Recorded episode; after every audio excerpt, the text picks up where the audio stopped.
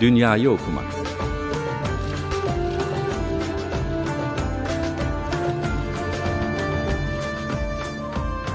Yazarlarla, yarattıkları kahramanlar, romanlar ya da öyküler üzerine konuşmalar.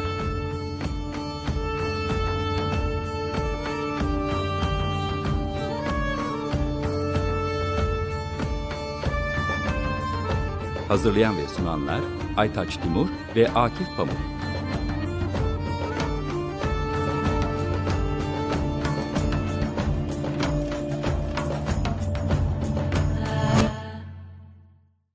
Açık Radyo'nun sevgili arkadaşları Dünyayı Okumak programına hoş geldiniz. Ben Aytaç Timur.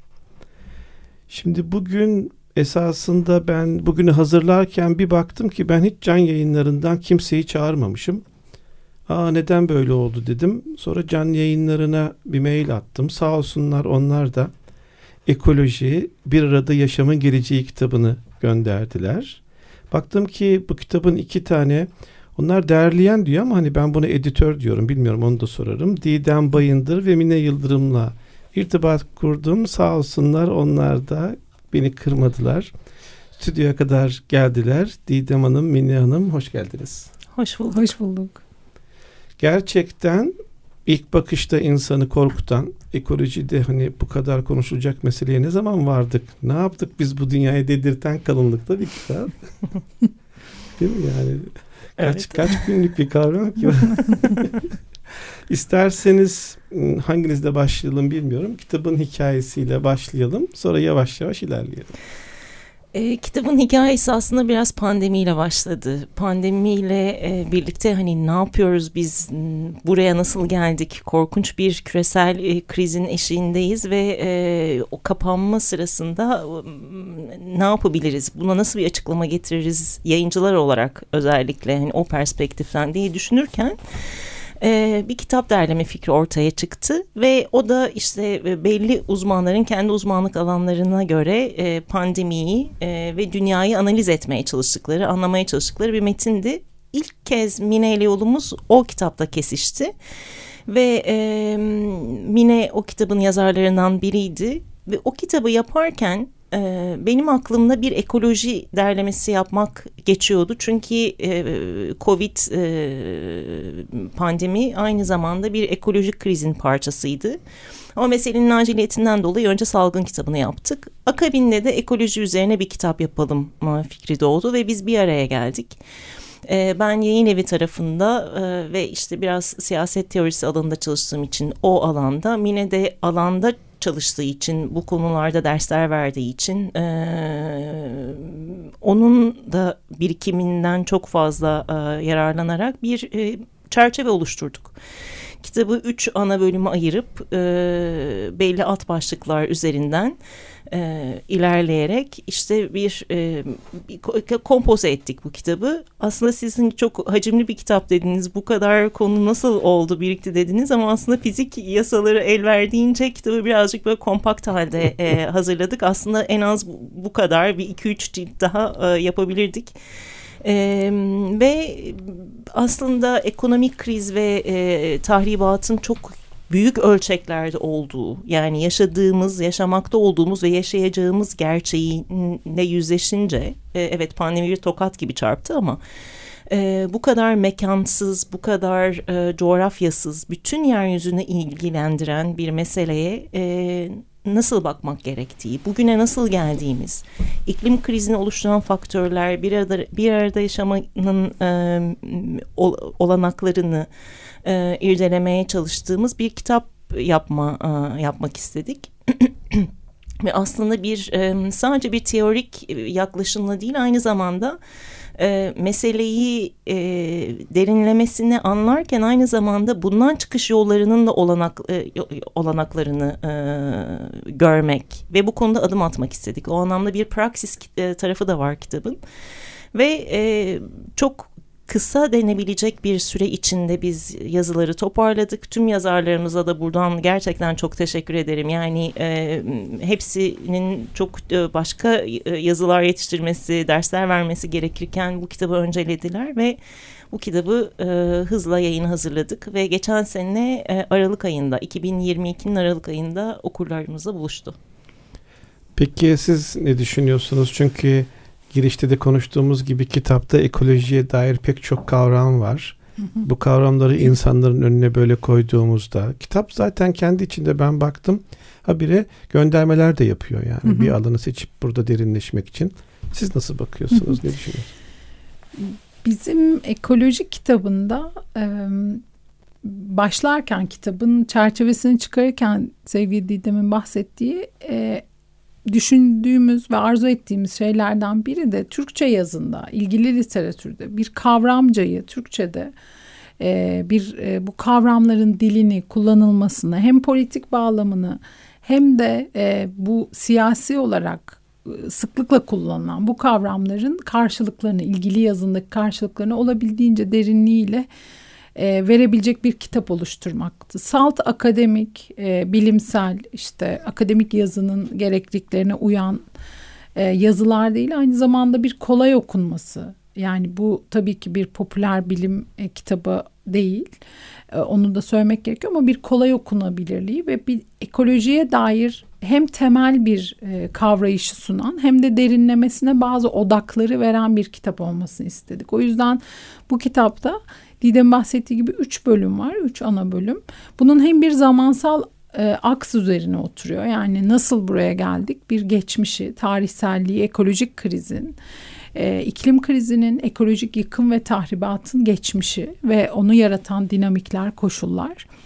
E, diğer bu aksın ana bölmelerinden bir diğeri. Şimdi bugün yani bugünün dünyasında nasıl bir problemler, bugünün görüntüleri ekolojik yıkıma dair e, ve son olarak da geleceğe dair. Yani geçmişten geleceğe bir aks üzerine otururken belirli kavramsal ayaklarını da e, aslında bizim tayin etmediğimiz yani bu kitabın editörleri olarak biz tayin etmedik ama problemin e, çoklu nedenleri, çoklu dinamikleri, ekolojik yıkımın, işte yaban hayatından iklim krizine, et endüstrisinden madenciliğe, bütün bunların hayvan haklarına, bütün bu e, krizlerin, çoklu ve eş zamanlı krizlerin bir aradalığına dair düşünen kişilerin bir araya gelmesiyle aslında adını koymasak da bir e, kavram seti ortaya çıkmış oldu. Ayrıca bir teorik çerçevesi ya da hiçbir bu saydığım hiçbir başlıkta bir teorik e, giriş kısmı yok örneğin ya da bir teorik çerçeve kısmı yok o akademik çalışmalarda alışık olduğumuz.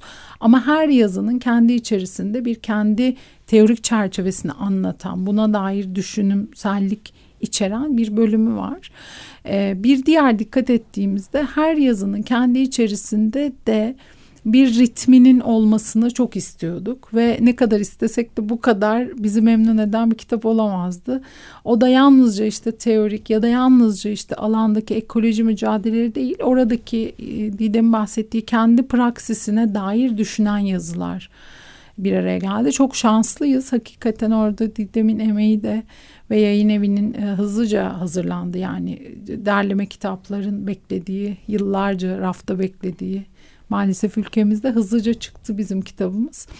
Ee, ekolojiye dair merak eden genç arkadaşların ya da bu konulara merak salmış ve Türkçe yazında okumak isteyenlerin e, hem bir temel çerçeve iyi oturtabileceğini düşünüyorum. Burada böyle boşluğu dolduruyor bu kitap. Hem de bazı odaklarda, her odakta değil elbette. Örneğin su krizine dair daha başka yazılar olabilir. Gıda krizine dair daha, kirliliğe dair, hayvan haklarına dair başka yazılar da olabilirdi. Başka ciltlerde inşallah olacağını umut ediyoruz. Ee, ama gene de epey bir alanı kapsayan e, temel odakları, bu sorunun temel e, problemlerini ortaya koyan yazılardan oluşuyor kitap. Mine Hanım e, ben Türkiye'de ekolojiye ilgi duyan insanların epey bir okuduklarını, okur yazar olduklarını hı hı. düşünüyorum. Siz de katılır mısınız böyle? Katılırım, kesinlikle katılırım. Ama e, hafta sonu İzmir'de polen ekoloji ile bir panelimiz vardı. Orada da aynı sorunu konuştuk. E, Türkiye'deki yalnızca ekoloji okur yazarlığının gelişkinliği değil, aynı zamanda çevre siyasetinin, doğa koruma siyasetinin kendi tarihine, böyle kuvvetli kadim köklerine rağmen Türkçe yazında ekoloji kitabımız çok az.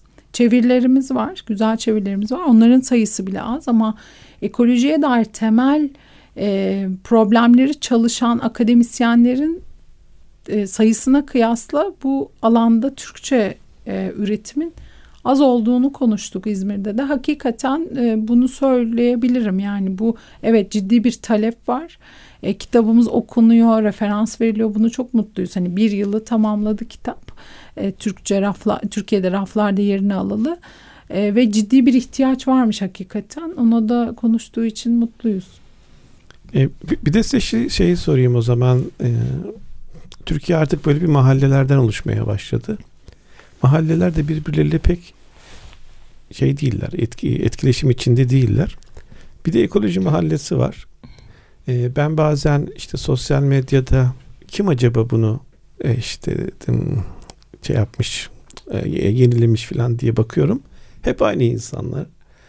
Ee, acaba öteki mahalleleri nasıl olacak bu ya? Çünkü ekoloji sonuçta herkesin meselesi.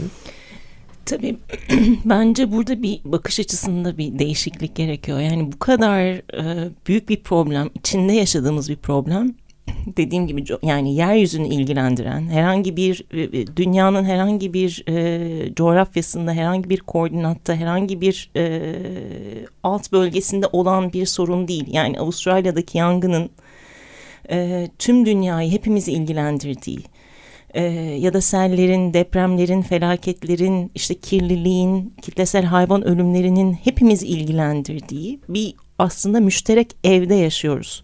Ve bunu bir yani şurada çok enter yani bana çok um, trajik komik gelen bir tarafı da var. Yani bunu aslında bir fantastik kitap okur gibi okuyor insanlar ya da bir bilim kurgu filmi seyreder gibi seyrediyor. Yani uzaktan işte bir takım haberler izleyerek belki televizyondan ya da sosyal medyadan. Bu öyle bir şey değil. Bu aslında hem bireysel hayatlarımızı hem de kolektif olarak. Çünkü bu kolektif talebi gerektiren bir şey. Ee, tavır almamız, dikkatli olmamız ve politikalar geliştirmemiz gereken de bir şey. Ve ekolojik kriz bence en büyük yani en büyük problemi ekolojik krizle ilgili tüm krizlerin bir sonucu olması. Yani biz bugün iklim krizini konuşurken siyasi krizi konuşmak zorundayız. Kapitalist sistemi kesinlikle konuşmak zorundayız. Zaten onun o, bence en çok ona bağlı bir şey bu. Yani işte hava kirlendi falan değil. Yani büyük şirketler, devlet politikaları, e, büyüme ideolojisi, yani işte sürekli ve bireysel olarak da yani bir insana dair bir kültür krizi de var. Yani kendini sahip oldukça var eden bir birey anlayışının zaten e, yani herhangi bir şekilde dünyayı iyiye dönüştürmesi mümkün değil. Dolayısıyla buna dair politikalar geliştirmek gerekiyor. Öte yandan e, öyle bir söylem var ki yani sürdürülebilirlik kavramının bile yani çok büyük şirketlerin bununla ilgili çalışmaları var ama dünyayı en çok kirleten şirketler bunlar. Yani herhangi bir şey yapılmıyor ya da işte petrol şirketlerinin karbon ayak izi ile ilgili e, işte bir takım reklamları ya da tırnak içinde iyicil e, bir takım etkinlikler de bulunması gibi böyle samimiyetsiz e, herhangi bir gerçekliği ya da dünyaya dair yeryüzüne dair dönüştürücülüğü olmayan bir e, takım politikalar ve seyrediyoruz bunları sadece. Bu öyle bir şey değil. E, hepimizin evet hem bireysel olarak hem de kolektif olarak bir takım politikalar geliştirmemiz gereken, işte, talep etmemiz gereken devletlerin yani bu aynı zamanda siyasi olarak çözülmesi gereken bir e, sistem kapitalist sistemi sorgulamamız gereken bir e, mesele ve e, küçülme politikalarıyla birlikte tüm canlılarla canlı cansız yeryüzünün e, tüm varlıklarıyla bir ortak bir yaşamdaşlık kurabileceğimiz e, bir fırsatı da sunuyor aslında. Yani geriye dönüş mümkün mü? Çünkü biz geriye e, dönüş noktasına yani bir adım e, kalayı hep tartıştık. Yani bundan kurtulmanın yolları var mı? Ee, elbette öyle ki var. Bir, öyle bir yani, bölüm de var galiba. evet öyle bir bölüm mi? de var. Yani ben şey de çok karşıyım. Yani ve bence bu politik olarak da çok dikte ettirilen bir şey. O nihilist ve karamsar ve artık herhangi bir çıkış noktası olamaz. Dünya zaten hani yok olacak. Diğer canlılar da insandan kurtulacak. Bu iyi bir şey diyebileceğimiz bir noktada değiliz. Yani orada hepimizin sorumluluk alması gereken bir e, durum var. Yoksa tüketmeye devam edeceğiz yani dünyayı da ve bütün kaynaklarını da. Yani ben hep söylüyorum işte e, hiçbir şey yapmayanın umudu da olmuyor. İşte Kesinlikle evet. E, burada isterseniz bir kısa ara verelim olur mu? E, dinleyicilerimize bir şarkı dinletmek istiyorum. Sonra devam edeceğiz. Janis Joplin söylüyor Piece of My Heart.